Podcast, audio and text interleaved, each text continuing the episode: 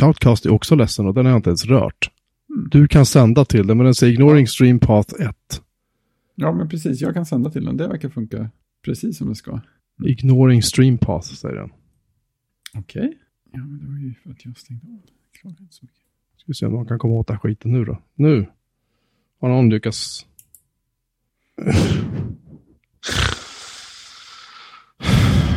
någon kommer åt någonting i alla fall. Vi får okay. se om någon... Uh... Det är positivt. Ja.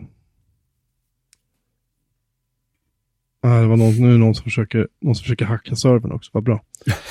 ja, men då vet man att man finns i alla fall. Det är som att universum bekräftar den.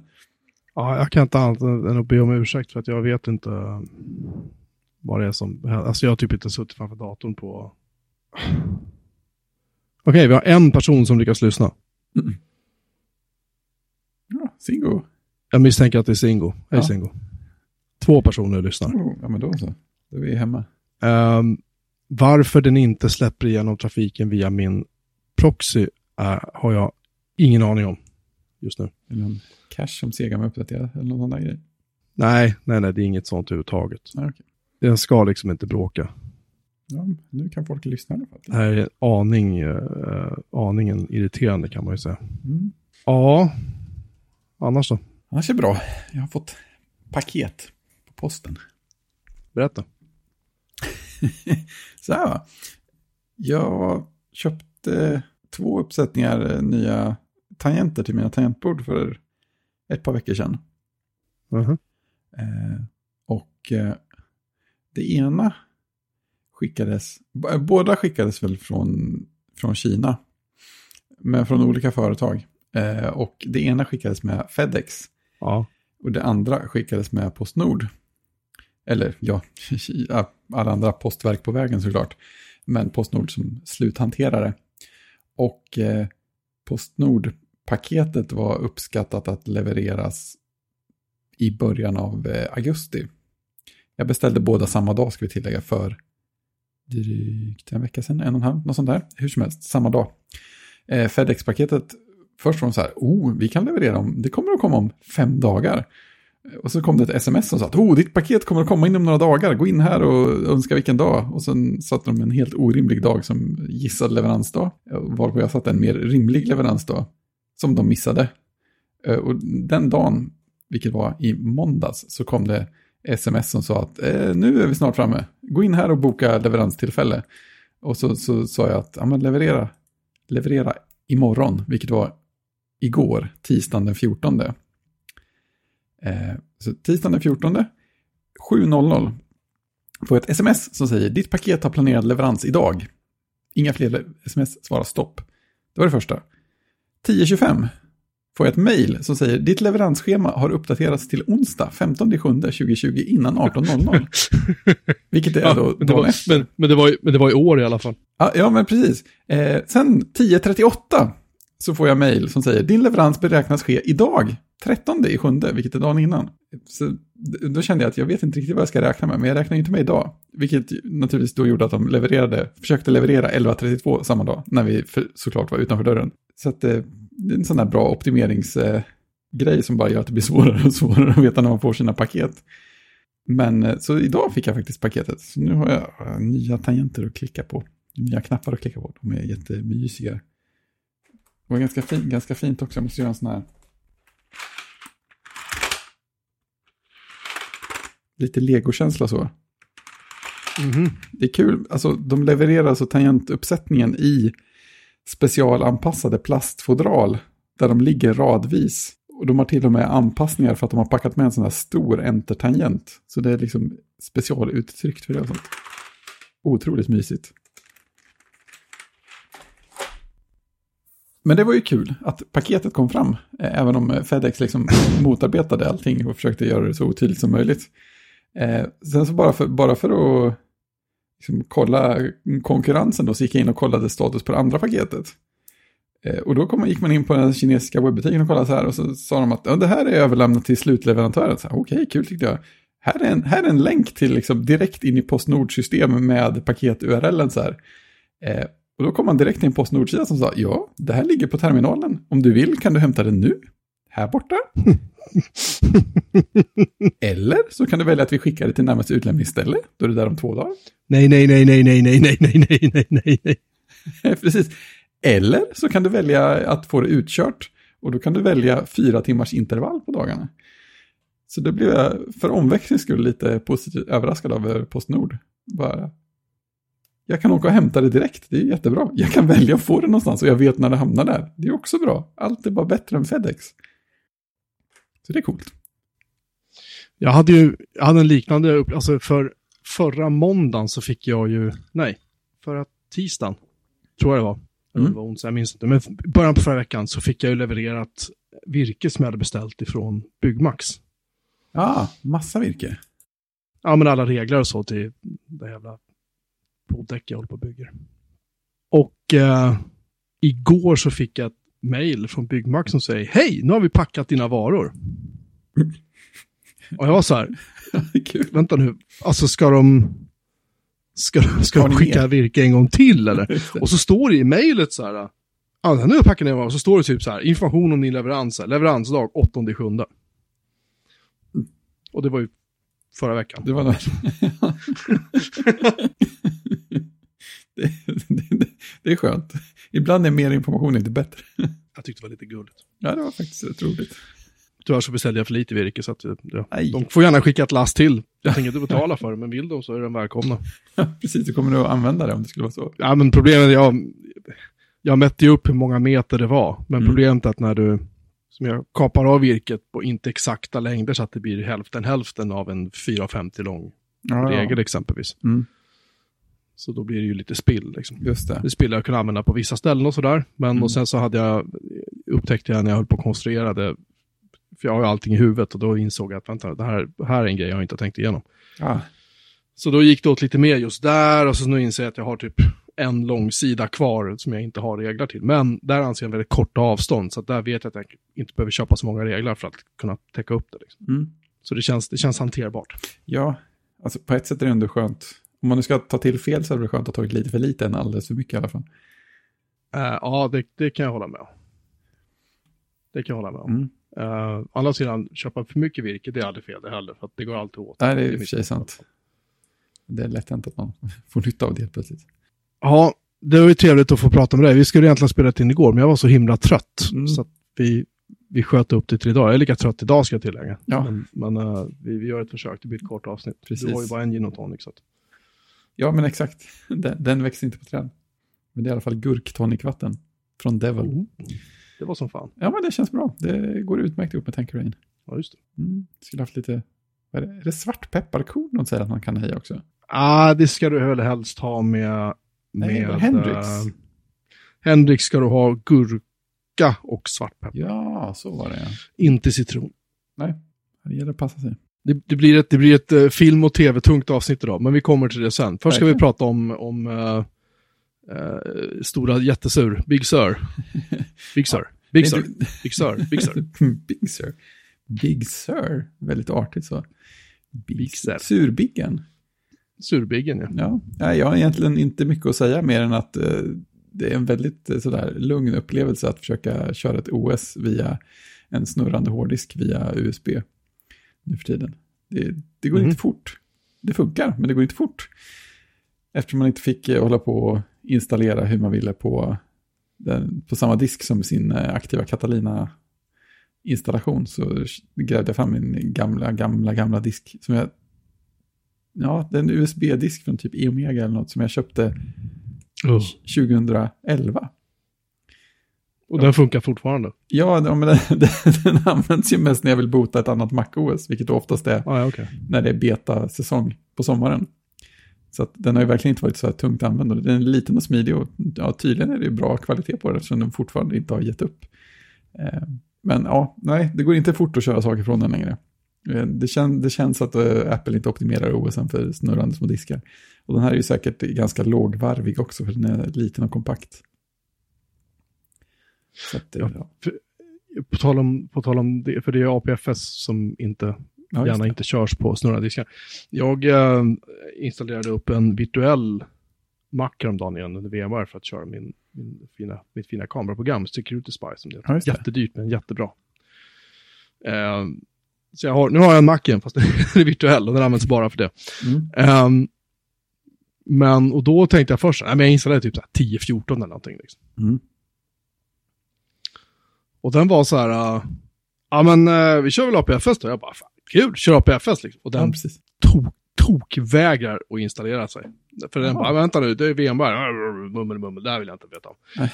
någonting gick åt helvete, den, den sa inte, men någonting gick åt helvete. Så att jag fick, Mm. äh, jag fick backa till typ 10-11 eller någonting.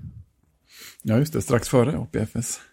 För att få, ja men 10-14 kan du ju fortfarande köra HFS plus på. Ja, det kanske inte har lika lätt att få välja det, eller?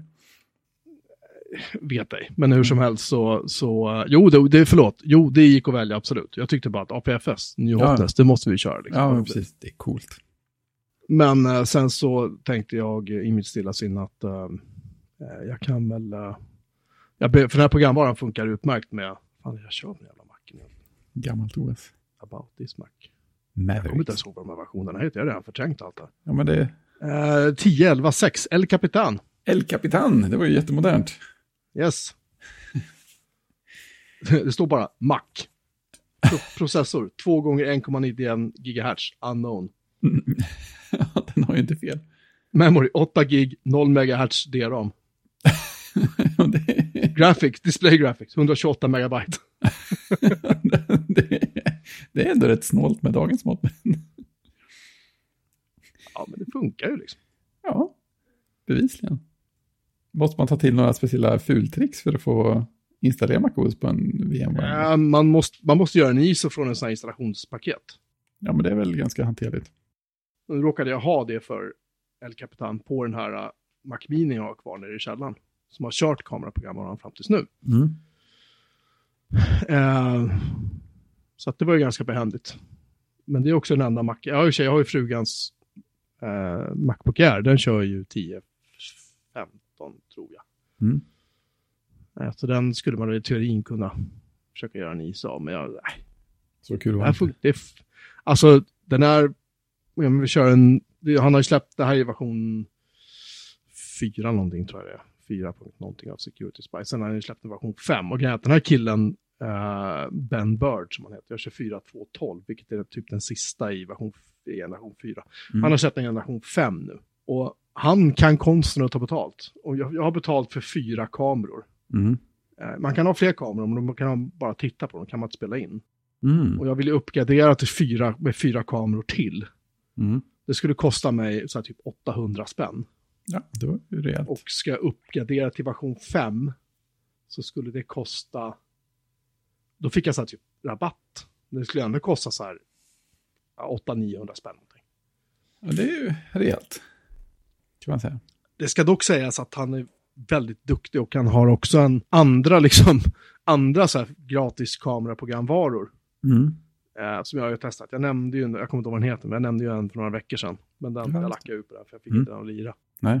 Många av de här gratisprogramvarorna är jävligt komplicerade. Och, därför jag, och det är därför jag tycker den här Security Spy är så bra. För den, Mm. den har en databas över kameror som är så här, den är mil lång liksom. Mm. Och han har dessutom ett register på sin hemsida.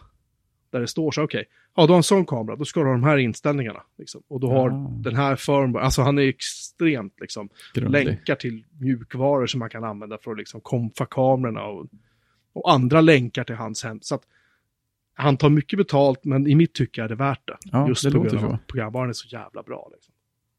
Ja, det låter som man får mycket, man får mycket för pengarna. Det får man absolut. Mm. Och sen ska det tilläggas också att uh, anledningen till att jag vill köra det här på virtuell Mac är därför att kör man typ så här fyra kameror på den här programvaran, eller fler, det drar väldigt mycket CPU. Ja, förstår. Och det, då känner jag väl att det kan vara bra kanske att, eh, vad heter det, ha lite mer kräm än vad den där över tio år gamla Mac Mini, ja, Mac Mini jag har i källaren kan Skadar leverera. inte. Nej, det skadar definitivt inte. Ja, det är schysst. Så så är det. Så det var inga bekymmer egentligen. Bara man lät bli eh, APFS. Nej, men sen är det ju liksom, det är, mass, det är massa meck med, med att köra MacOS virtualiserat. Det är inte gjort för det, inte på det här sättet. Du kan köra under Parallels eller VMware Fusion eller någonting. Och du kan även fulhacka det och köra under uh, VirtualBox och sådär liksom. Mm. Det kan man absolut också göra liksom. Men, eh, Men det är inte riktigt byggt för det. Nej, Apple har liksom inte gjort det med, med, med virtualisering i åtanke om man säger så. Utan Mm. de är mycket mer sugna på att liksom, vad heter det, Eh, köra det direkt på järn. Och det märks, ska man köra virtuellt så är det så här, två CPUer, 8 gig ram, eh, minst. Du får gärna ge den ännu fler CPUer och ännu mer minne. Liksom. Då tycker den att livet är superhärligt, Mm. helst. Ni vill gärna vara själv på hårdvaran. Ja, ja. Ja, ja. Men, det, är ju, alltså, MacOS är väl inte känt för att vara superoptimerat direkt. Det var ju inte en extra heller på sin tid. Nej, Så att det är ju, de trivs med att ha mycket järn liksom. precis. Då kan de göra, då kan de göra, då kan de göra jävligt intressanta bra grejer. Det är inte, det är inte tu tal om något annat. Men, Nej. men uh, ja. Shit the same. Mm, så är det. Sen har jag även satt upp uh, faktiskt genom min lastbalanserare så att jag kan logga in och titta på mina kamerafeeder när jag är ju nej, det är teoretiskt sett inte hemma, men jag är alltid hemma. Så att, ja, precis. Det kan komma en tid då man inte är hemma jämt. nej, men då kan jag köra en uh, Let's Encrypt SSL-cert istället för att skydda, Ja, ja, snyggt. vilket är nice. Ja, det är jättefint. Ja, jag tycker att det är, det är härligt. Så nu, så nu har du verkligen ingen, ingen egen Mac längre? Nej, jag har Mac Mini i kärnan fortfarande, men den, den används ju liksom inte så. Nej, Nej den, den gör ingenting. Alla är tagna ur drift. Ja, den är avstängd. Ja, så pass till och med. Mm. Då blir det inte mer definitivt. Det, är- det är stort. Det är stort. Jag kör ju också den här uh, programvaran, uh, vad heter den? AirMessage heter den va? Ja, den som får skicka iMessage till... Precis. Till Android. Den kör jag också på den här virtuella kameramacken då. Mm, mm. Men uh, det nej, funkar men det, jag tycker, vad sa du? Det funkar också alltså. Det är coolt. Det funkar svinbra. Mm. Det är, är råstabilt. Det hade jag på, på något sätt kunnat tänka mig att det skulle strula under en virtuell maskin. Men jag vet inte riktigt varför. Alltså det finns två sätt att göra det på om du vill göra. Antingen så kör du med en jailbreakad iPhone eller iPad eller någonting som har iMessage på sig. Mm. Det är det ena liksom. Eh, och det andra sättet är att du eh, kör en sån här programvara som liksom jackar in sig i iMessage-applikationen på din Mac. Ja, just det. Mig veterligen så bryter jag inte mot några regler hos Apple genom att köra den här programvaran. Nej, den borde kunna vara på samma nivå som en användare som bara tittar på vad som är i fönstret i princip. Typ så. Mm. Och allting, allting jag gör, alltså jag måste ju ha iMessage igång på den här macken som kör det här Mm. iMessage. Just det. Eh, och det är väl fair enough liksom. Ja, Så att allting, allting jag skriver syns ju där också. Så att det är väl, eh, det är väl lite, det är väl det knixiga liksom. Ja, precis. Men det är man ju medveten om när man gör det också, känns det som. Ja. Det är inte som att den gör något bakom, bakom ryggen på en. Och sen så, och sen så är ju kopplingen mellan den här macken som har hand om, eh, som kör iMessage och min, eh, min Android-telefon är ju krypterad. Sen på vilken nivå det är, det vet jag inte och det framgår inte på hemsidan heller, alltså projektets hemsida. De säger bara så här att jo men det är krypterat så Ja, det är så bra så. Bas 64-kryptering som vi kan säga. typ. Eh, nej, så att så är det. Så att, men det funkar. Det funkar. Ja, Det, mm, det är väl det viktigaste för mig. Och det, Precis. för det är så här, det är, inte, det är inte mycket teknik i mitt liv som fungerar just nu bevisligen. Det är skönt om någonting gör det. Inte allting rasar samtidigt. Det, det är tråkigt. Nu har jag precis listat ut varför eh, min, eh, en av mina kameror som jag har satt upp, jag köpte ju två sådana här Kihan-kameror till. Mm, mm. Eh, den vill inte visa mörker, alltså slå på så att man ser på kvällen när det är mörkt. Utan den bara tyckte att ja, men det här är väl soft. Och så blev det jävligt mörkt i den kamerabilden. Och det visade att den var ju satt på att köra inomhus. Jaha. Så det var inte så bra, kanske. Nej, det kan, det kan man ju kan man justera kanske eventuellt. Ja, jag, jag var precis inne och ställde om det. Jag har funderat på det. Alltså, sagt, förutom att jag var uppe och fixade, fixade med våra Matrix chattserver tidigare, så har jag inte varit i mitt arbetsrum sen i, jag vet inte, fyra, fem dagar. Det är inte dåligt. Nej, jag sitter nere vid köksbordet och jobbar. Mm. Och sen så sitter jag och kollar på tv. Alltså hela min familj är bortrest, ska jag säga. Ja, konstigt läge. Det, det bidrar ju. Liksom. Ja, det är klart. Så att ehm, därför så, jag bara kliver upp och så sätter jag mig och jobbar. Och sen så när jag jobbar färdigt så tittar jag på tv typ. Mm. Avslappnat. Ja, det blir mycket film. Men vi kommer ju till det som sagt. Just det. Ehm, Så jag inser att jag har ju massor med saker som jag behöver ta tag i när jag väl sitter framför datorn. Så att det blir väl inte så mycket mer film för mig idag misstänker jag. Ja, det finns lite att beta av. Jag såg att det kommer någon uh, jättevarning för uh, någon uh, säkerhetshål i Windows DNS-server som är 17 år gammal som de nu har insett att ja, men det kanske är bra att patcha den då. Ja, det, det kanske det är. Har någon börjat prata om att ja, det där hålet var nog inget bra. Vi kanske skulle, jaha, är det någon som exploitade? Oops. Men vadå, har Microsoft gjort en patch på en 17 år gammal server nu? Jag vet, jag, alltså Patrik Fällström eh, skrev på, på LinkedIn där han var så här, tjena, eh, det är nog bra om ni patchar bort det här nu, hörni, ni som Ja, kör okej. den här skiten. Och jag kör ju på grund av att jag, kör Exchange, alltså som mail-server och därför så, Ja, just det, just det. därför så eh, måste jag ha ett AD och därför så och så vidare. Mm. Det ena ger det andra. Som det brukar heta, ja precis. Men det finns en patch att få alltså. Det är bra. Jag tror den säger att den har en patch, den tycker att jag ska starta om nu. Så att, På Windows-vis liksom.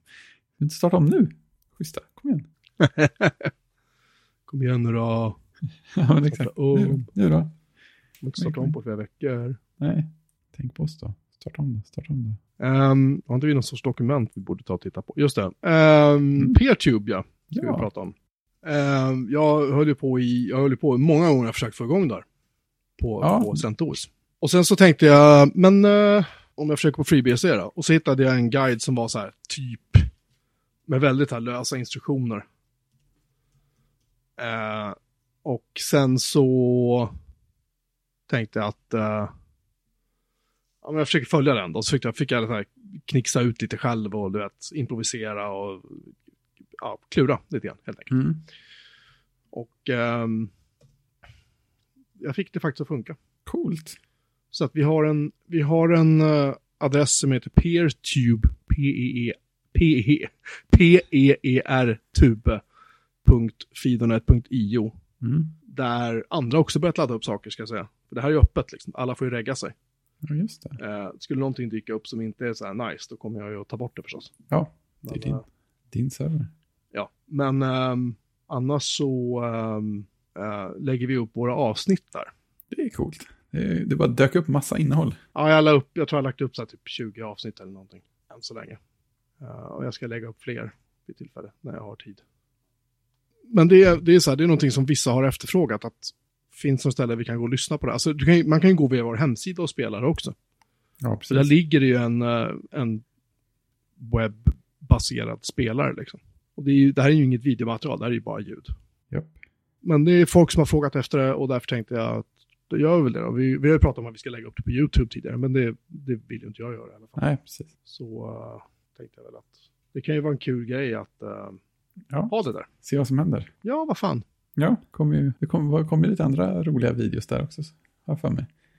Next-saker och sånt va? Ja, eh, ja, det är lite, ja, det är alla gamla, alla gamla, jag har ju massa gamla Next-videos, bland annat den där som jag berättade om att jag, att jag rippade på, eh, som jag rippade från det här videobandet som japp. jag eh, hittade. Den la jag upp där också. Så att den eh, finns där om man vill titta på den. Det vara roligt. japp.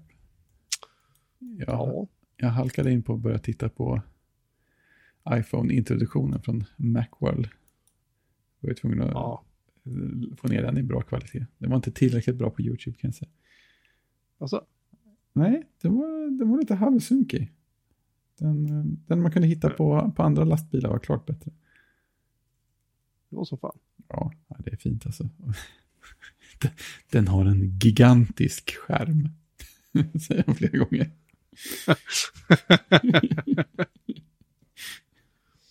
Just det håller man väl inte med om längre, men eh, visst. Det var större än mycket annat som fanns då. Jag har inte sett om det på jättelänge. Jag såg om... Uh... fan vad jag såg om? Ja, det var ju övergången från PowerPC till Intel. Den såg man ju om när ARM-grejerna började Ah. pratats om. Och sen Mm. så såg jag om introduktionen av första Macbook Air. Den tycker jag är så rolig. Ja, med kuvertet. Ja, den var ganska kul faktiskt. Jag, jag hade glömt i iPhone-introduktionen att eh, Steve tidigt i presentationen visade att han har den i fickan innan de har visat den på skärmen.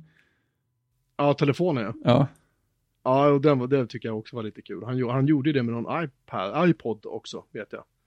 Ja, just Den det. här iPod eh, Nano, va? Nano var det nog precis. Den första som var, Den gjorde han också det med, kommer jag ihåg. den första som var riktigt liten. Ja. Vad gjorde jag nu då? Ja, ja, men så nu kan folk eh, så- som har intressanta videos lägga dem där om de vill.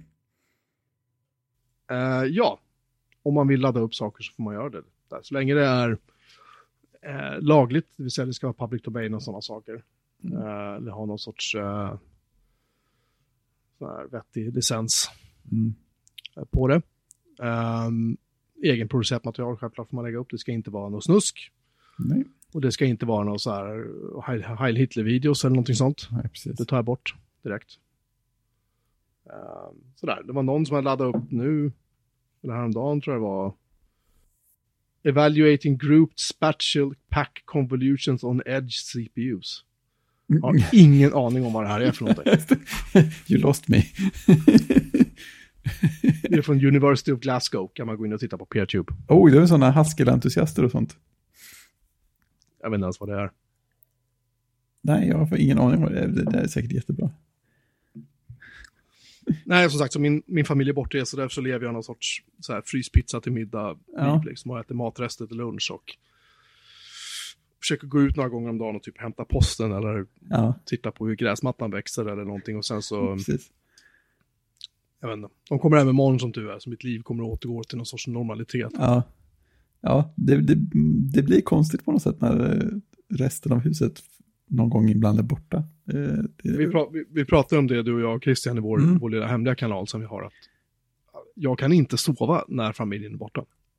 Nej, Jag, jag somnar alltså två, tre på morgonen och sen upp så här typ 8.45 för 09.00 så har vi våran stand-up varje morgon på jobbet. ja, Även nu på sommaren. Så jag i princip ligger i sängen och kopplar upp mig via Teams på mobilen. Liksom är så här, alltså vi säger, vi säger bara morgon och sen så lyssnar vi och sen så pratar vi om vad vi ska göra idag typ. Och sen så, just det.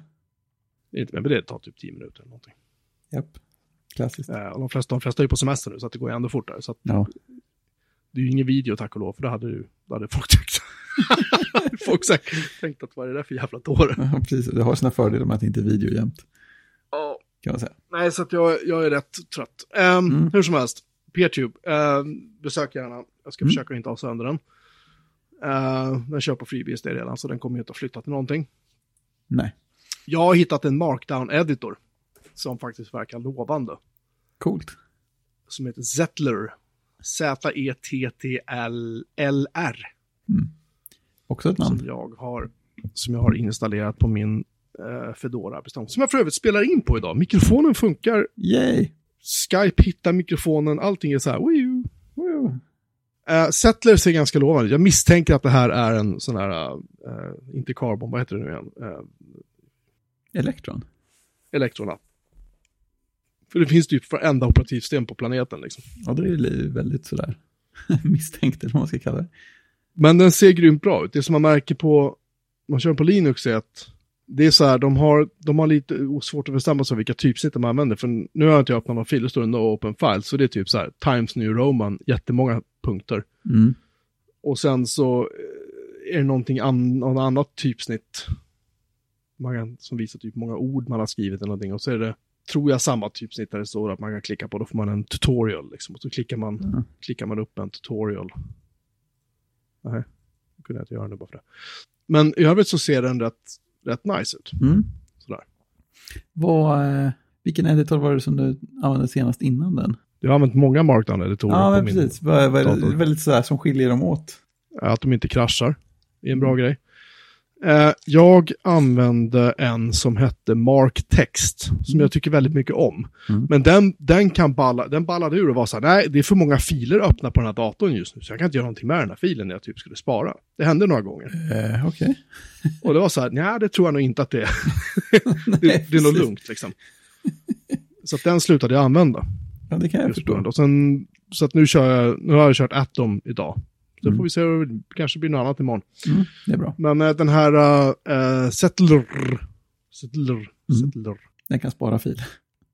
Ja, men den, den ser lovande ut, tycker Ja. jag. Och det är kul just att den är för eh, många plattformar och sådär. Ja visst, då kan man ta med sig den var man än är. Ja, om man nu håller på som jag och inte kan bestämma sig för någonting så är det ju bra att ha vissa applikationer som hänger med Ja, överallt. men precis.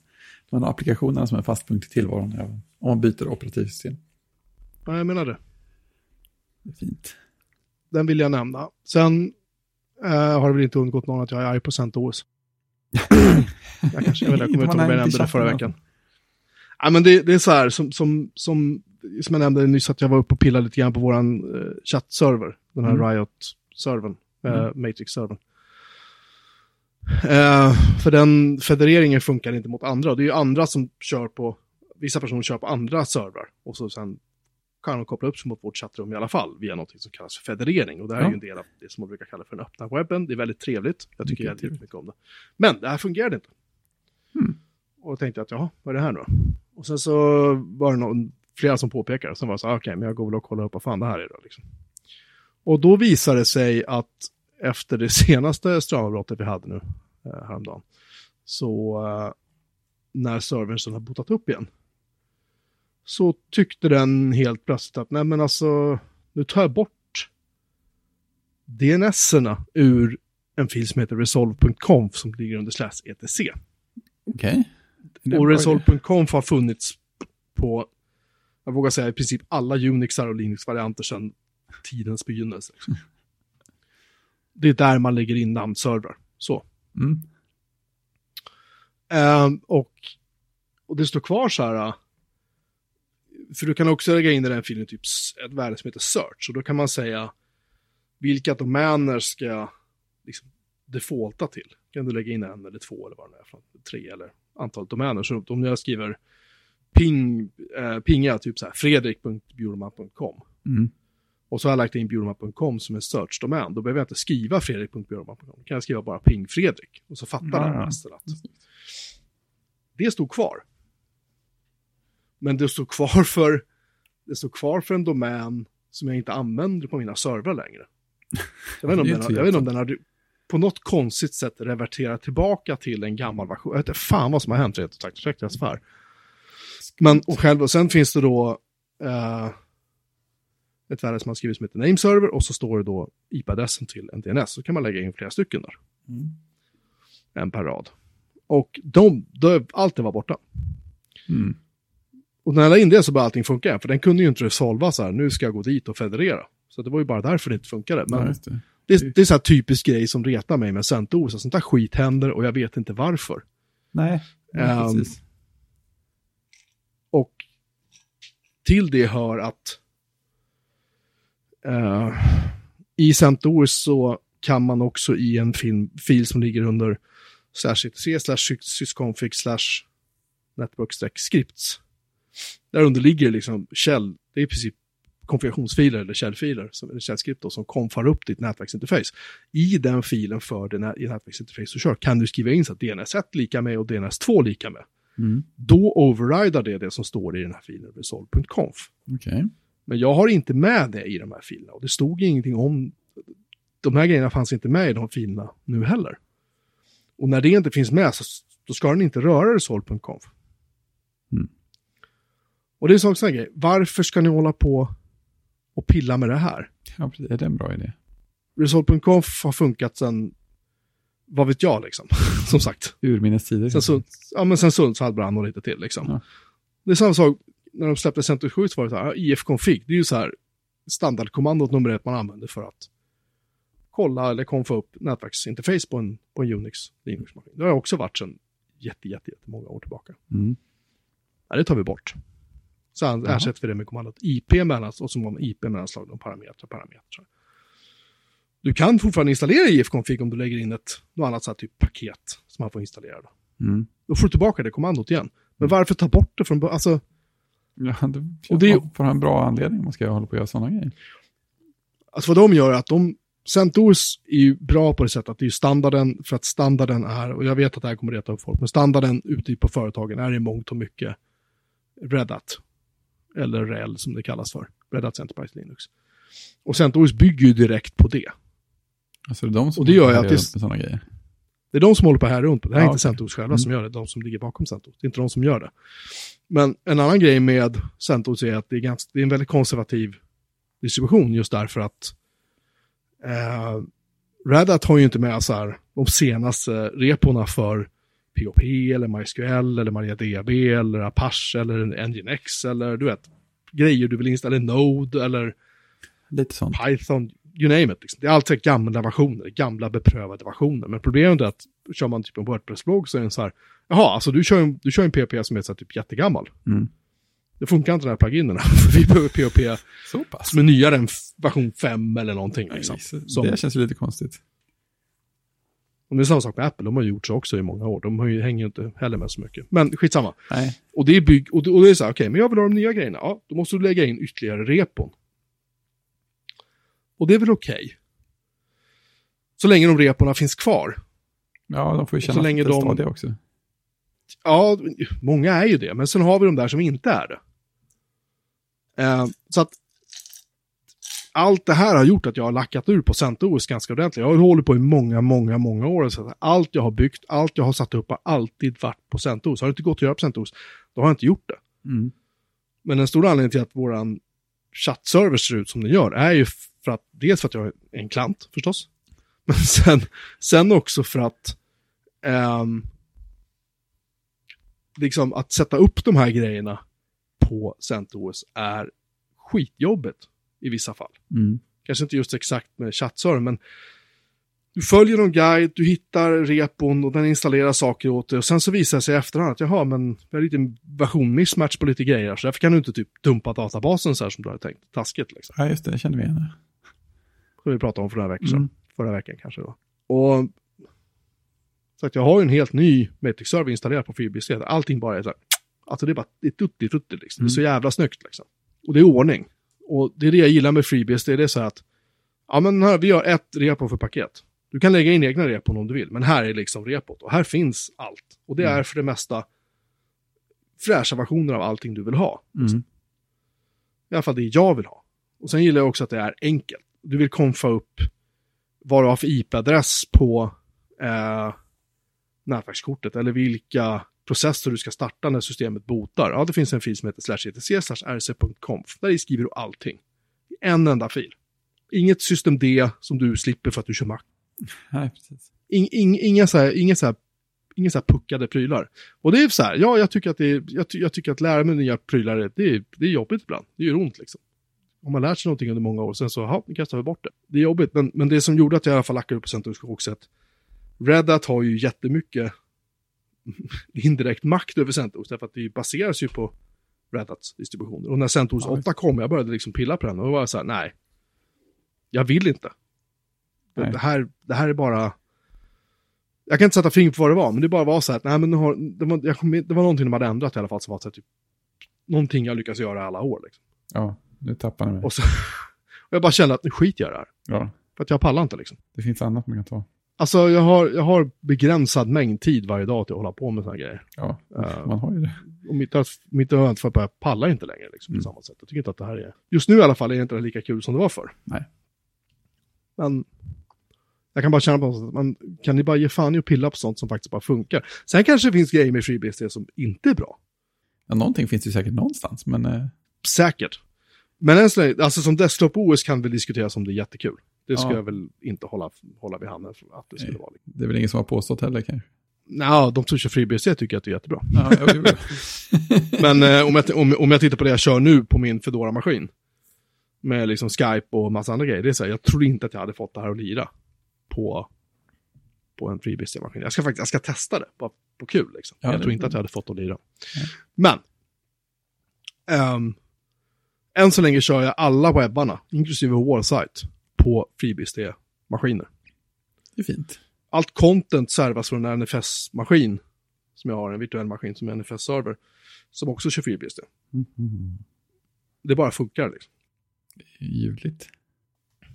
Så att det är liksom, det är inte jättebökigt att sätta upp det. Vissa saker är inte som de var på i Linux.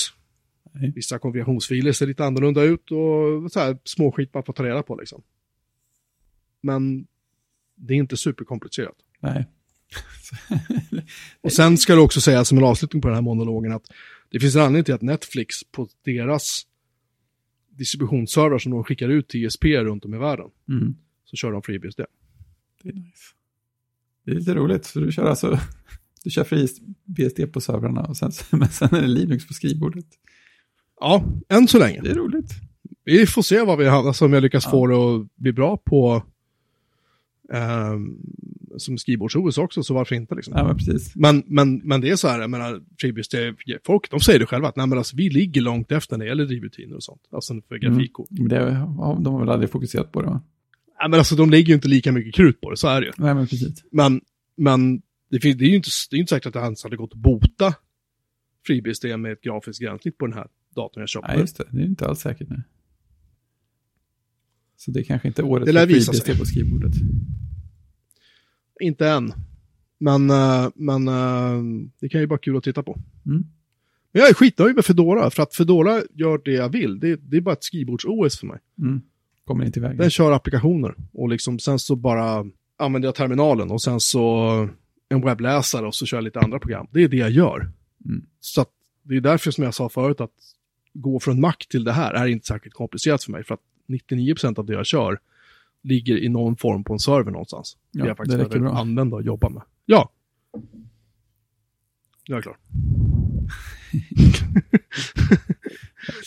Ja, men jag, har sett, att- jag har sett att folk har skojat lite i, våran, i vårat chattfönster om så här, "Ha, vad ska han söndag nu då? Typ. Inte ordagrant så, men liksom så. Och jag förstår det. Och jag fattar att folk tror att vad fan, kan han inte bara låta bli ha sönder saker? Och det, absolut, det är, inte, det, är aldrig, det är inte så att jag gör det här med vilja, att jag bara så här måste byta ut saker hela tiden. Men Nej. samtidigt på något sätt drivs jag av att det är kul att testa nya grejer och hittar jag något som är bättre Ja, men visst. så tar jag, hell, tar jag hellre det. Det finns ju inget annat sätt att hitta något som är nytt och bättre än att prova det. Man kan ju, Nej. Man kan ju liksom göra jämförelser på pappret hur länge som helst, men det ge- säger ju aldrig hur det faktiskt är i praktiken. Vilket ju också har visat sig ett antal gånger. Att jaha, det här funkar jättebra de första 99 procent, sen var det den där sista grejen som behövs. Nej, den funkar inte alls lika bra. Då backar vi. Precis så. Precis Så att jag, jag är... ehm, jag känner mig, nej men jag känner mig nöjd. Jag känner, och det känns, eh, det, det som också gjorde, en grej som jag inte visste om nämligen. eh, det är att när du kör FreeBSD under VMware.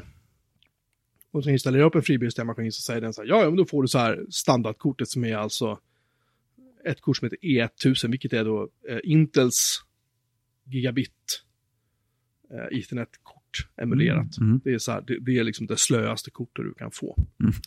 Härligt. Eh, och sen så installerar man någonting som heter OpenVM Tools, som då pratar med VMware. Och det är fint och bra. VMware säger så här, ja, ja, men den här servern har den IP-adressen och bla bla bla. Så det är jättefint. Det här är hostnamnet. Så. Men det man kan installera är ett annat paket av OpenVM Tools. Som då gör möj- ger det möjlighet att eh, du kan köra eh, VMwares optimerade nätverkskort som heter VMX3. Mm. Och då får du 10 gigabit Oj, intern kommunikation från de virtuella maskinerna Schysst. inom, inom VMwares uh, nätverksstack. ja. Och det är ju rätt kul om man har en virtuell NFS-server eller webbserver eller ja. Peer-to-server eller vad det nu är. Nej. Och när jag, upp, när jag insåg det så var det så här, ja ja, nu blev det här lite roligare. Mm.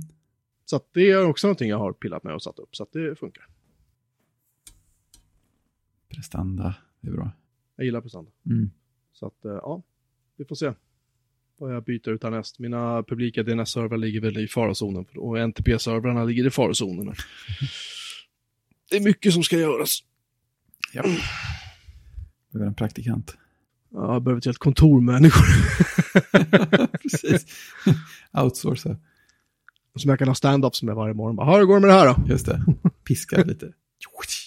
Typ så. Kan man sluta. Vi pratade ju om vilken gin du drack. Mm. Idag var det Tanqueray, eller hur? Just det. Mm. Det var det.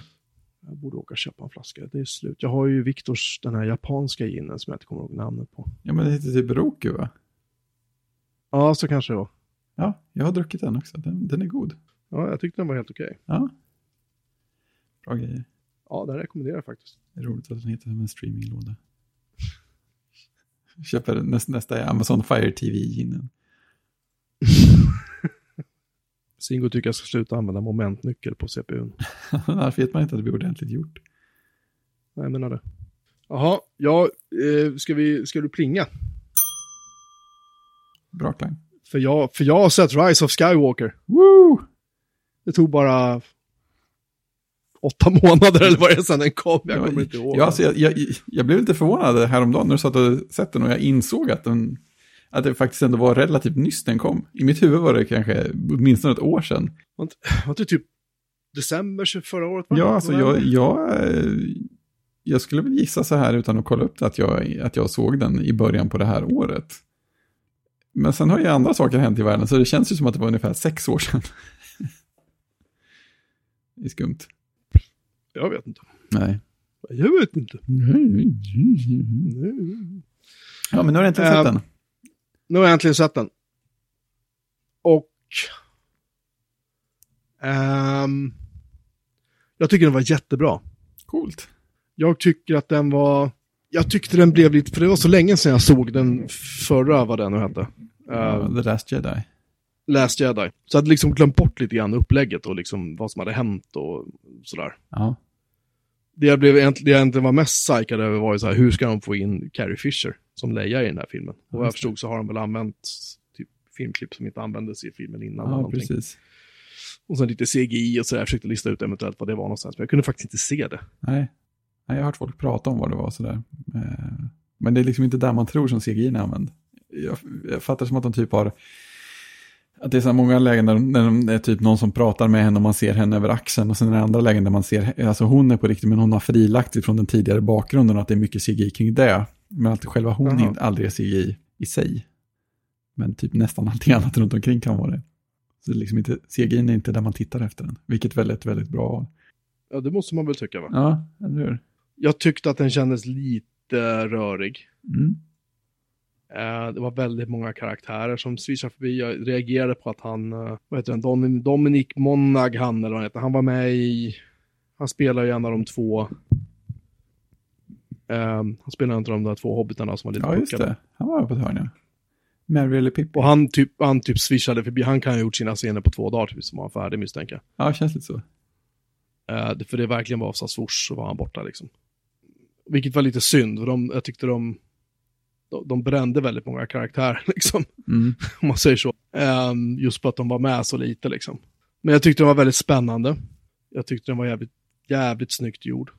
Och den var, det var så här som man, ja, man tänkte själv så här att, jag undrar om de ror hem det här liksom. Mm.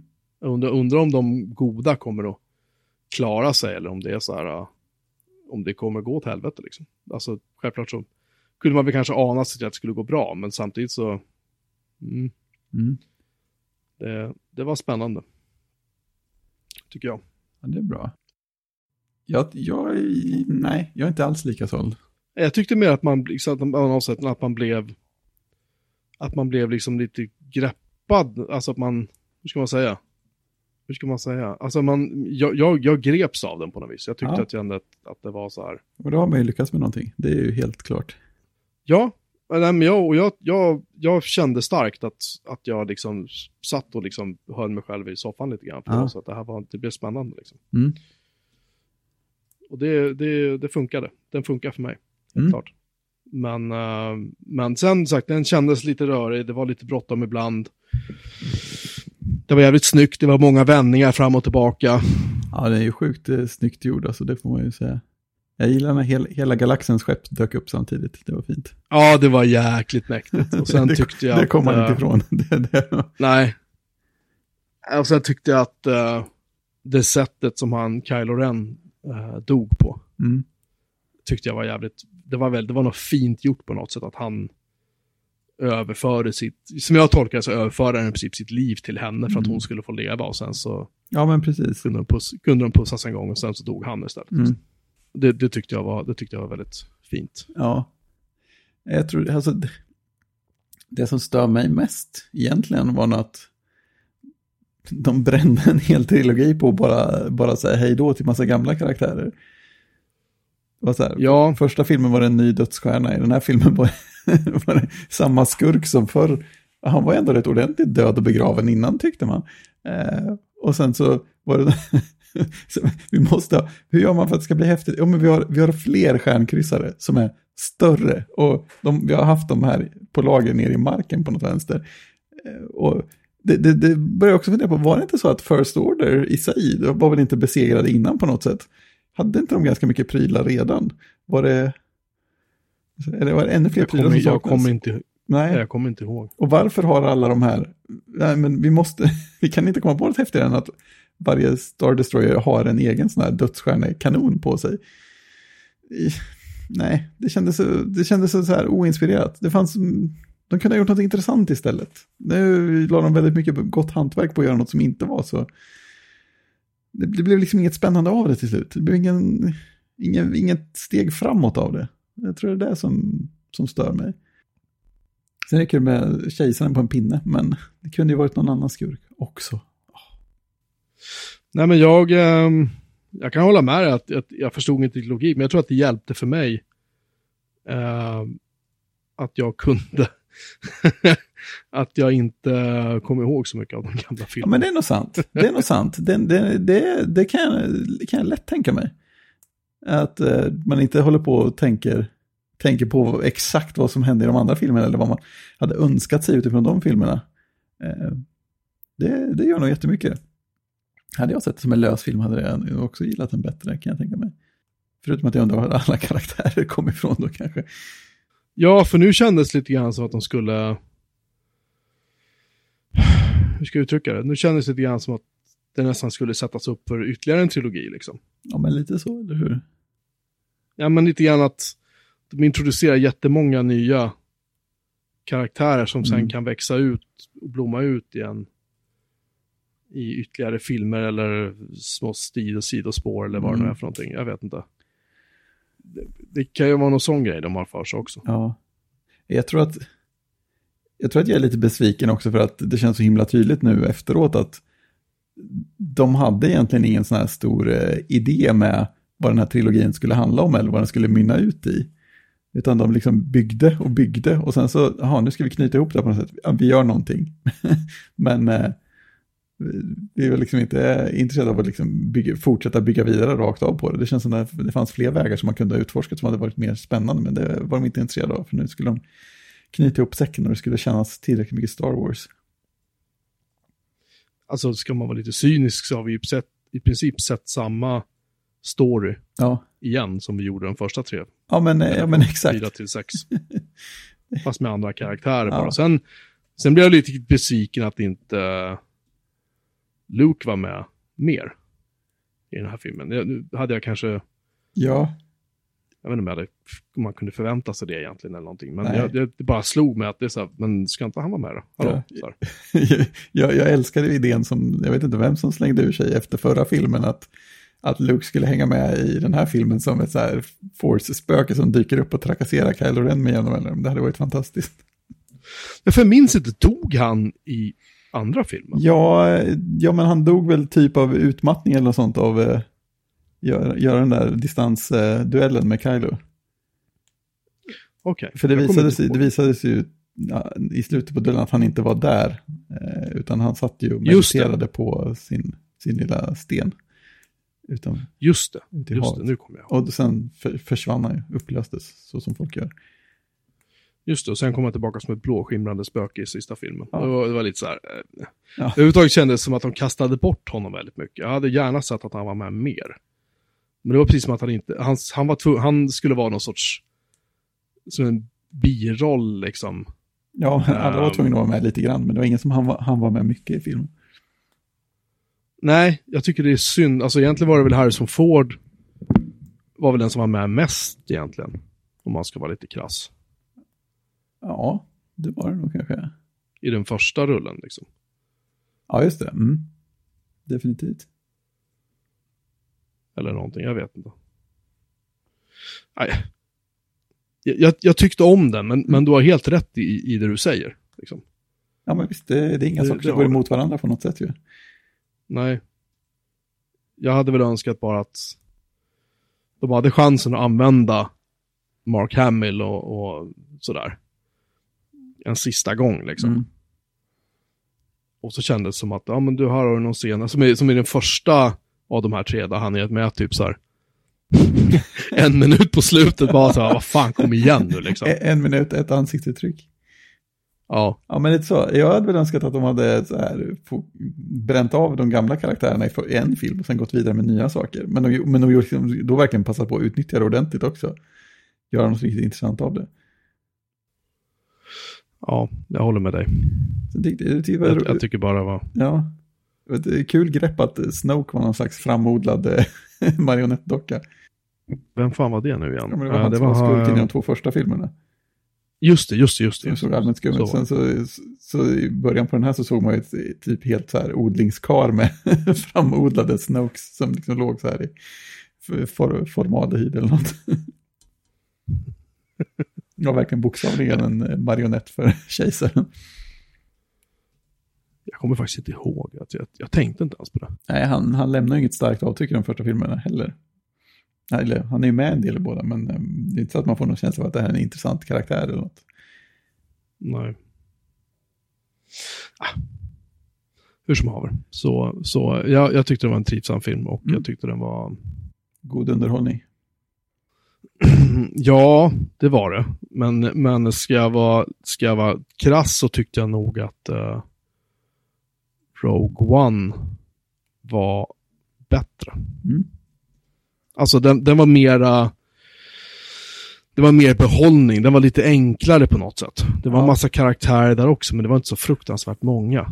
Nej, men exakt. Alltså det, det, det, det, det, det är det här som, jag är inte säkert inte ensam i världen om att göra det, men jag brukar kalla det för Matrix-syndromet. Att första Matrix-filmen var en rak, enkel, du vet, Mm. så. Fristående. Och sen kom tvåan, så var det så här, "Ah, men vi behöver så samma fast mer. Ja, expandera. Ja. Expandera, så här, mer, mer av allting, det blir Ja. bra. Ja.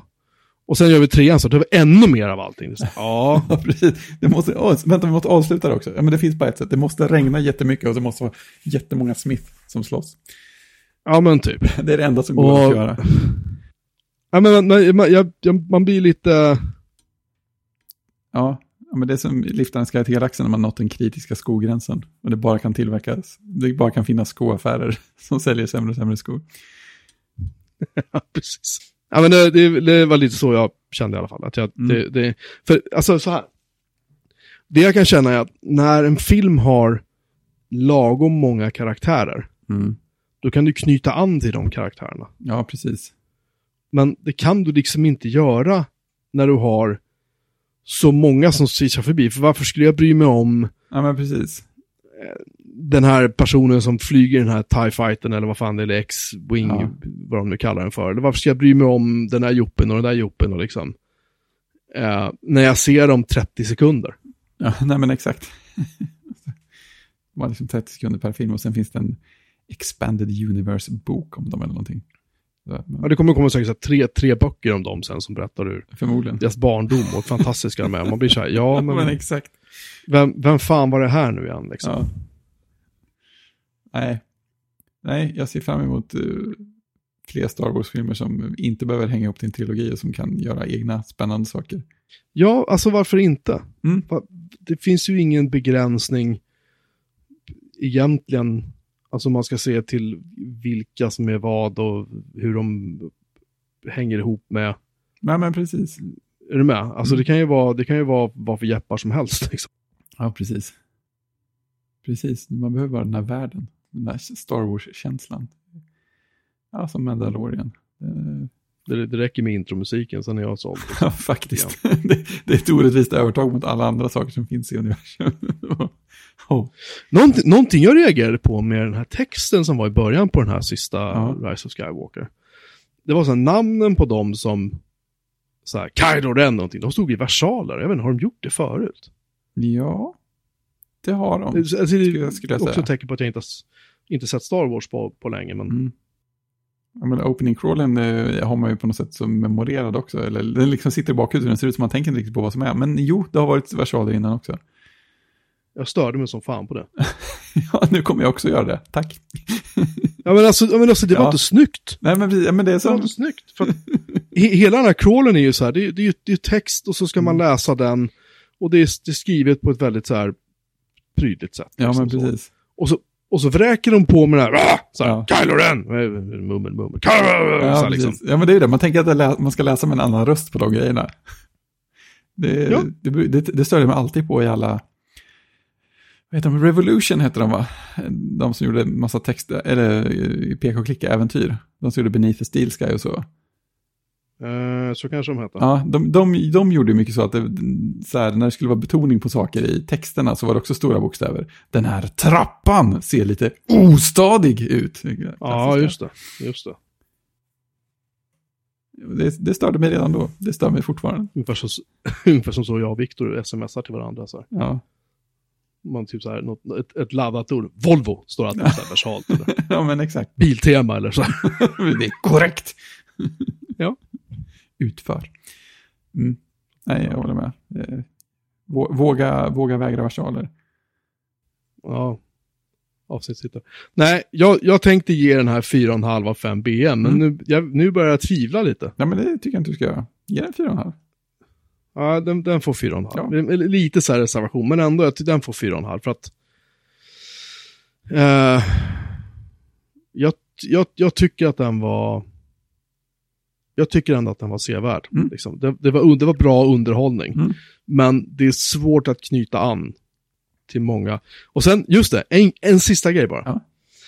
Från, jag vet inte om det kommer från trailern där hon, eh, eh, vad heter hon tjejen nu igen? Eh, vad heter hon? Hjälte, hjältinnan? Shit. nu tog det verkligen stopp, vad jobbigt. Ja men he, hon heter ju eh, Daisy Ridley på riktigt va? Ja. Chattrummet hjälper oss inte. Skitsamma.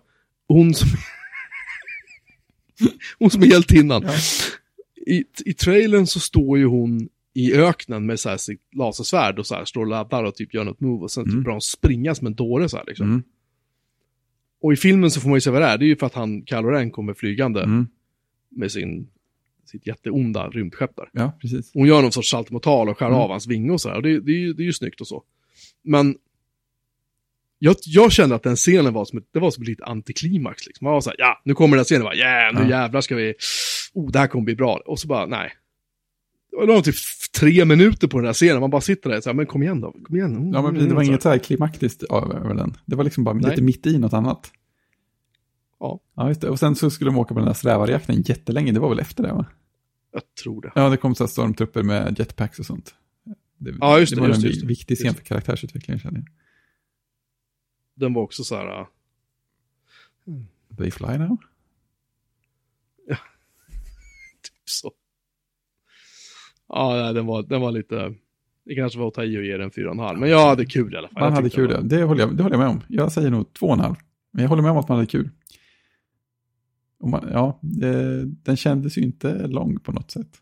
Ens när jag störde mig på saker. Det var över två timmar. Ja, det var jättelång. Många minuter var det. Ja, det var det. Eh, vad skulle jag säga om det ena och åttonde? Ja, Mm. eh, i alla fall. Eh, då har vi avhandlat den. Japp. Du har sett mera Snowpiercer. Ja, det tar vi Kan som. du rapportera från fronten? Liksom? Ja, jag har sett klart första säsongen. Oj! Jaha. Jag, jag gillar den. Det är mycket... Det är, det är som, det är som Christian var det väl som sa det. Att ja, man, ser, man får se Snowpiercer för världsbyggandet. Och det håller jag verkligen med om. Är, så, som, som jag sa förra gången, jag är helt, helt såld på hela grejen. För det känns som en så här riktigt fantasy-koncept. Eller sci- sci-fi apokalypskoncept som jag hade kunnat hitta på eh, någon gång. Någon gång när jag fantiserar som mest om, fan, om sci-fi. Eh, det, det är så fint. Det, det, hela världen är ju helt omöjlig och den drivs av en evighetsmaskin och lite andra sådana såna problem. Men eh, det, liksom, ja, det funkar på mig på något sätt. Sen så var det några bitar här och där jag inte riktigt visste om jag tyckte att de tog det till ett bra ställe. Jag kan... Jag, jag ska inte spoila någonting här. Eh, men jag, jag, tycker nog att de kanske hade lite bråttom fram här och där.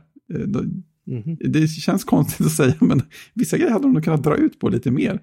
Sam- Samtidigt så, så även de gånger jag tvivlade så tog de, tog de det vidare till saker som jag tyckte var intressanta. Det var någon gång så att det började hända en, en liksom större plottgrej och så tänkte jag att nu, nu ska det flippa ur helt. Nu kommer, det, att- nu kommer det att ta den här vägen. Det förstår man ju. Och sen gjorde det faktiskt inte det, utan de vevade in det och gjorde något som, jaha, de gör så istället. Det var intressant. Sen kändes det inte som att man fick en avslutad säsong, utan det kändes som att man fick första halvan av en säsong. För att jag tror, jag tror att sista avsnittet slutade med en våldsamt mycket större cliffhanger än något annat avsnitt har gjort. Vilket ju är milt, milt störande. Där tycker jag också man kunde, man kunde fått andas lite grann. För strax innan det så var de på ett ställe där det var ganska, liksom ganska eh, passande att liksom varva ner lite och så stannar vi här. Så, men nej, de var tvungna att lägga på en jättestor cliffhanger. Det får man väl förlåta dem för eller någonting. Det är lite kul också att ha läst på lite om eh, det snow, den Snowpiercer-värld som finns i eh, serier och sånt där. Mm. Det, det, är lite kul, man, man ser att de, eh, de, liksom, de plockar in idéer därifrån utan att eh, ta dem på exakt samma sätt. Det är lite roligt. Så, att, så här, det börjar hända något så kan man tänka sig, oh, är det någon slags referens till den där grejen som jag hörde fanns i serien? Och sen så visar det sig att ja, det är en twist på den på det. Ja, kul. Mhm. Så det är roligt. Det, det är som en sorts Apple när de kör lockar fast ändå inte. ja, men precis. Eller någonting sånt. Uh, nej, men det, det, ja, som sagt, på tal om att ha kul när man ser det. Jag, jag, tyckte det var, jag tycker det har varit kul hela vägen. Jag kan, tänka, jag kan tänka mig att se en säsong till också, men jag skulle inte svära på att det är en sån där serie som ska hålla på i all oändlighet. Det beror helt på hur de gör det. Det, det kan ju lätt bli tomgång också. Sen det sista jag började tänka på jätteaktigt var att någon borde göra ett rollspel i det universumet. Och det borde gå att göra någon slags andra superintressanta spel i samma universum också. Det borde gå att göra typ något så här fräckt brädspel eller något jättecoolt eh, dataspel som handlar om att, eh, gör, vad man nu gör på ett sånt tåg. Om man vill göra någon slags simulering av det eller någon slags konfliktspel eller ett äventyrsspel för den delen. Det känns som det finns jättemycket kul man kan göra i en sån konstig värld. Det låter ju faktiskt ganska roligt. Ja, Alltså. Det är ju, ja. Om du, du skulle kunna ha. Då skulle man egentligen kunna vilja att det fanns. Att man kunde spela från båda hållen av tåget så att säga. Ja men, ja, men exakt. Det finns, ju, det finns ju jättemånga faktioner man skulle kunna vara. Det, det finns ju någon slags ekonomi, det finns vagn, jag menar olika vagnar finns det ju så himla tydligt olika resurser i och olika grupper som har behörighet och hur mycket som helst. Eh, jag menar, och så här, någon slags utforskarspel. I, är man en fraktion som börjar någonstans i tåget så har man ingen, eh, vissa av dem i alla fall har ingen aning om vad som finns i de andra delarna än. Så det kan ju bli så här väldigt eh, intressant utforskande moment också. Behöver hitta den här resursen, var kan den finnas någonstans? Ja, plötsligt så börjar, börjar de olika. så börjar de olika, eh, vad heter det? Eh, fraktionerna på tågen liksom börjar göra business med varandra och ha små så här lokala krigvagnarna som finns emellan. Ja Liksom. men exakt, exakt. Det finns ju hur mycket som potential som helst. Det är verkligen jätteroligt. Ja, nej, så det vill jag se. Fler Snowpiercer-inspirerade spel av alla sorter. Se vad jag kan göra. Precis, dra lite. Jag ringer några samtal. ja, exakt. Make it happen. Jag ska se, jag, jag får se, jag kanske ger den här serien en chans till. Liksom. Ja, men det kan ju vara värt att se klart första avsnittet i alla fall. Det kan jag säga. För att du tittade typ halvvägs eller? Ja, om ens det. Ja, nej, för, för, det, för, det, för det händer lite grejer. Det händer ändå rätt många saker liksom i första avsnittet som, som det byggs vidare på sen. Så att ser du hela avsnittet och inte gillar det fortfarande, då, då kommer du nog inte gilla resten av serien skulle jag tippa. Men ser du det och känner att ja, men den där grejen var lite intressant, då kan det bli något. Mm. Ja, vi får se. Mm. Jag, ska, jag ska inte hålla det för osagt, men, men ehm, Nej, precis. sådär. Ehm, jag har sett mer film. Ah. En film som jag inte såg klart första eller andra eller tredje gången jag såg det, men som jag faktiskt såg klart nu är eh, Ridley Scotts hyfsat hånade prequel eh, till eh, av Robin Hood. Av Robin Hood. Den kom typ 2010. Alltså det här, det är så här, vad hände innan han blev laglös? Robin Begins. Hela den, hela, ja men lite så. Ehm, och den var väl inte så dålig som jag, som jag tycker att eh, kritiken har gjort gällande om jag uttrycker mig så. Jag tycker Mm. den var, den var så här okej underhållning liksom. Den var inte så här, det är ju inget... Allt som Ridley Scott gör är ju liksom inte guld, om jag uttrycker mig så då. Nej, Utan det kan jag hålla med han kan ju, kon- han kan ju konsten att liksom göra både det ena och det tredje. Som är ganska... Vad heter det? Prometheus, den här prequeln till Aliens. Den har jag inte ens sett, men den var ju, Nej, det var ju vad jag inte så, ingen höjdare så. katastrofalt jävla dålig liksom. sådär. Och sen har han gjort bra grejer som Blade Runner och sådär. Så det är därför tycker vi om honom. Men, eh, men eh, jag tycker den var okej. Jag ger den 3,5 av 5 BM i betyg. Är den superlång eller? Eh, den är ju också typ två timmar eller någonting. Den är Mm. galet lång. Mm. Sen så eh, dök det upp en artikel någonstans. Ska jag se om jag kan se vad fan det var den tog vägen. The New Yorker har skrivit en artikel nämligen som heter How Starship Troopers Aligns with Our Moment of American Defeat. Oj, det var lätt intressant. Ja, eh, för de som inte vet så är New Yorker ett så här eh, ganska så här högtravande magasin som har mycket så här eh, Långa, långa, artiklar och sådär. Väldigt långa artiklar. Ehm, och eh, men det här är ganska, jag har inte hunnit läsa klart hela artikeln än, men, men den på något sätt så är det, alltså för de som inte har sett Starship Troopers, vilket jag har svårt att tro att någon inte har gjort, den är så. Det, det, det är ju så här, det, alltså man skulle kunna kalla halv, halva filmen är ganska intressant och halva filmen är en kalkon. Liksom, för att Ja. det mesta som är- någon sorts stridsscener mot så här, rymdinsekter som är stora som trevåningshus i vissa fall, Mm.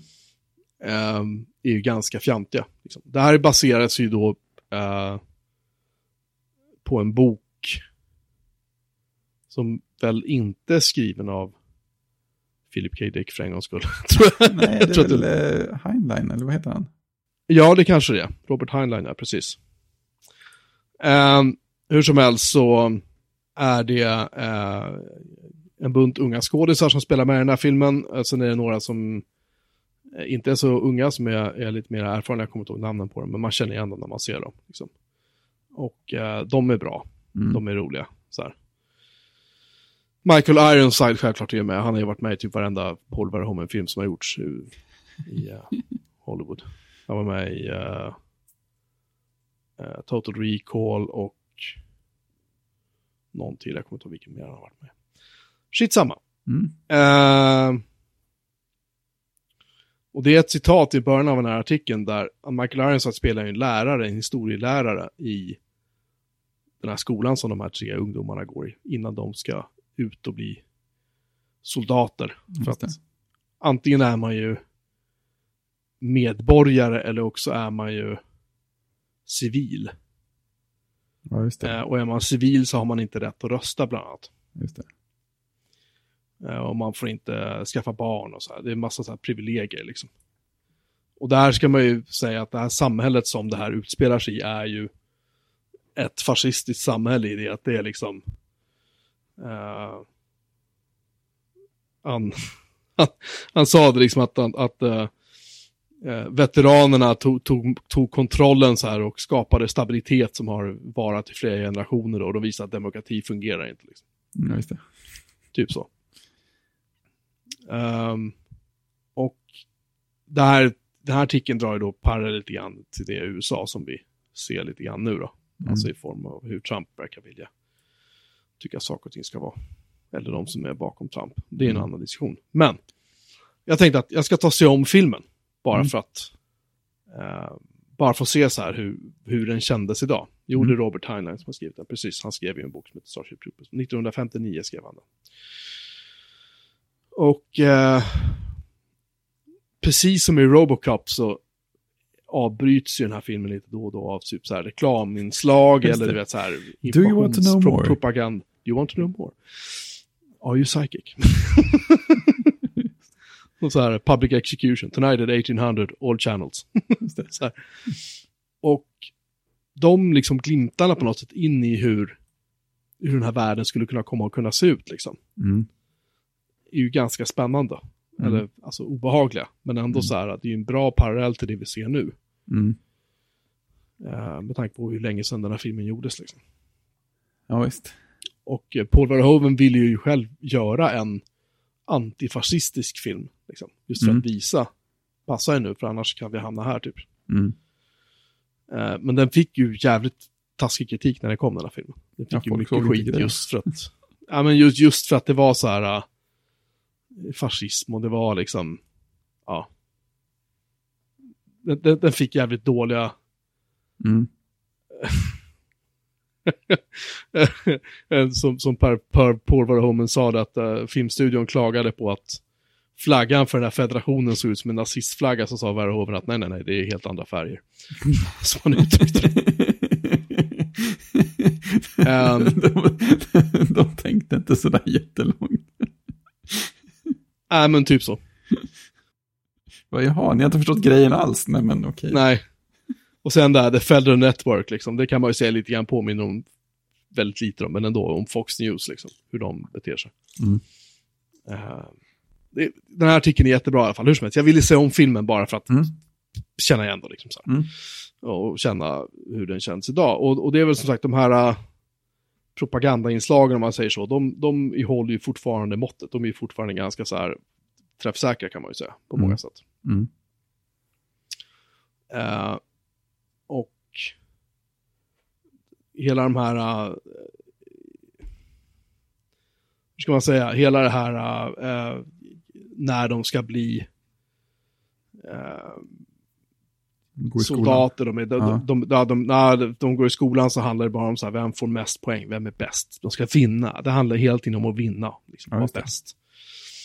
Eh, och när han, eh, han grabben då, den här Johnny säger åt sin pappa att han vill bli militär och pappan bara så här, nej nej nej, jag tar hellre så här tio piskrapp på torget liksom. Än att du blir militär. Alltså man bara så här, va? Vad fan sa du nu liksom? Mm. Ehm, men hela just det här bootcampet de går igenom också när de ska eh, börja bli då liksom uh, tränas till att bli soldater och så. Det är samma sak där lite grann, att det är, så här, det är styrka och det är, liksom, det är makt, det är våld och liksom. Och Ja, precis. Det finns en viss mått av humor i de scenerna ändå som man kan tycka man kan garva åt. Han, han, instruktören typ halvt tar ihjäl sina elever och skriker efter läkare hela Ja, tiden. här, Medic! skriker. Eh, Men sen när de här man kommer ut i rymden så blir det lite så här, nej vad fan. Då kan man nästan stänga av ärligt talat. Ja, Det okej. så spännande. liksom. Den, den har inte riktigt Eh, åldrats med värdighet. Nej, nej, nej, alltså CGI är ju skitdålig och liksom Ja. Eh, skådespeleriet från många, han eh, Jake Busey, eh, sonen till någon av som heter Busey, vad heter han? Uh, det står still i huvudet. Han har varit med i hur många filmer som helst. Han, han, anses vara ganska knäpp i huvudet hur som helst. Mm. Han är ju ingen stor skådis liksom. Många, många, många så här repliker levereras jättekonstigt. Det är taskig timing på mycket. Alltså det, det, det är bara Mm. dåligt liksom. Det är så jävla dåligt. Mm. Men som en som social liksom, kritik eller som sådär, då kan jag ändå känna att den fortfarande lite grann håller. Men som film som helhet, så nej. Nej. Eh, två och en halv av fem BM Mm. får den i betyg. Vi kan väl länka till den där New York-artikeln också för folk Ja, det läsa. göra.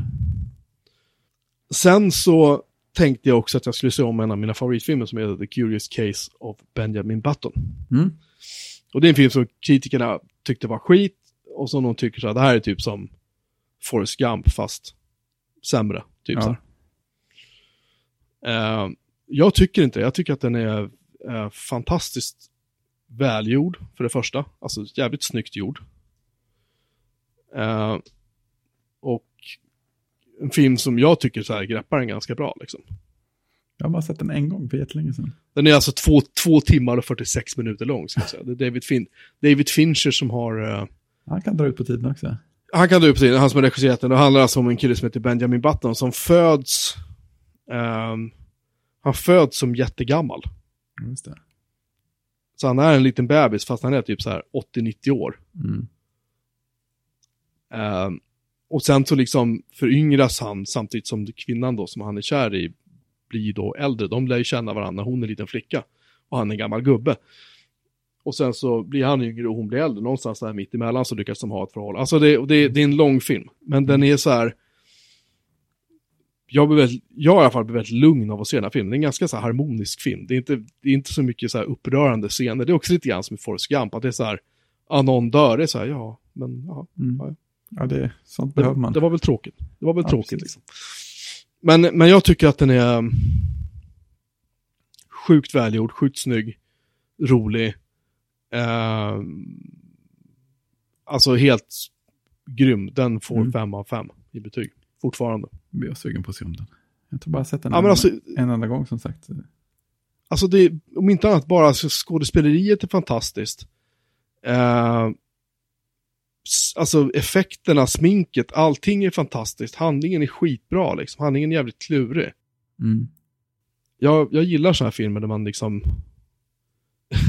där det inte är som Starship Troopers, där det bara är så här, här, Precis. har du. Det är bara smaska på liksom, utan Ja. man faktiskt måste Ja, det, klura lite mer på saker och ting. Liksom. ja, gillar det. Så nej, jag, jag tycker att den är äh, jävligt bra faktiskt. Mm. Ja, och den rekommenderar jag varmt. Bra grejer. Den, jag vet inte. Mm. Jag har inte sett så många mer filmer ännu, men jag tänkte väl göra det. Ja, det kommer till nästa avsnitt. Ja. Ibland så har jag så här ryck och ser hur mycket film som helst och sen så, Mm. Så det var mätt ett tag. ja, men jag har inte tid heller liksom. Det är ju det, man har ju inte så det tar mycket tid stund att titta att, på film. det gör ju det. Ja. Framförallt när filmerna är så jäkla långa som de är nu liksom. Ja, men exakt. Vad var det för fel på 90 minuters filmer? Hallå? Lite så. Mm. Tycker jag är en bra avslutning. Ja, eller hur? Vad är det för fel på 90 minuters filmer? Bra Ja. fråga. Mm, Just det. Punkt. T- ja, tack för att ni har lyssnat. Ännu ett ehm, spännande tekniskt avsnitt med tekniska, tekniska utmaningar. Nästa vecka kanske allting funkar ännu bättre. Vem vet? Ja, det är inte omöjligt. Eh, om ni vill besöka oss på vår hemsida så finns vi på uh, bjurmanmelin.se. Där alla avsnitt också finns att lyssna på och läsa om, länkar och sånt vi lägger upp och Massor med länkar. sådär. Massor med länkar. Eh, lägger vi upp där. Sen finns vi på Twitter, att bjurmanmelin och så finns vi på Mastodon, att bjurmanmelin, att mastodon.social eller någonting sånt. Någonting sånt. Klicka på Och, länken, ja. då hittar man rätt. Ja, precis. Och så finns vi på PeerTube också nu för tiden. Just det. Eh, Det är fräckt. Om du vill besöka det, vi lägger in en länk till det i våran, uh, våran länklista. Mm. In och bidra med Ja. material. Nej men det, det, så det vore skitkul. Ja, om folk jag vill menar. eh, ladda upp. Jag har diskgytar har jag som bekant så det räcker att bli över bandbredd också, så att det är bara att räcka på liksom. Det är jättekul. Jag skulle säga att det går hyfsat fort att se saker och eh, ladda upp saker och så Ja. till, eh, till den servern. ja. Säg du som sitter på samma. Ja, nej men jag har prövat via 4G också. Ja, men bara för att liksom, bara för att se hur det, hur Ja, men jag var känns. inne och tryckte play på någonting också. Det funkade bra här. En helt annan Det sida. rasslar av- till ganska bra vet du.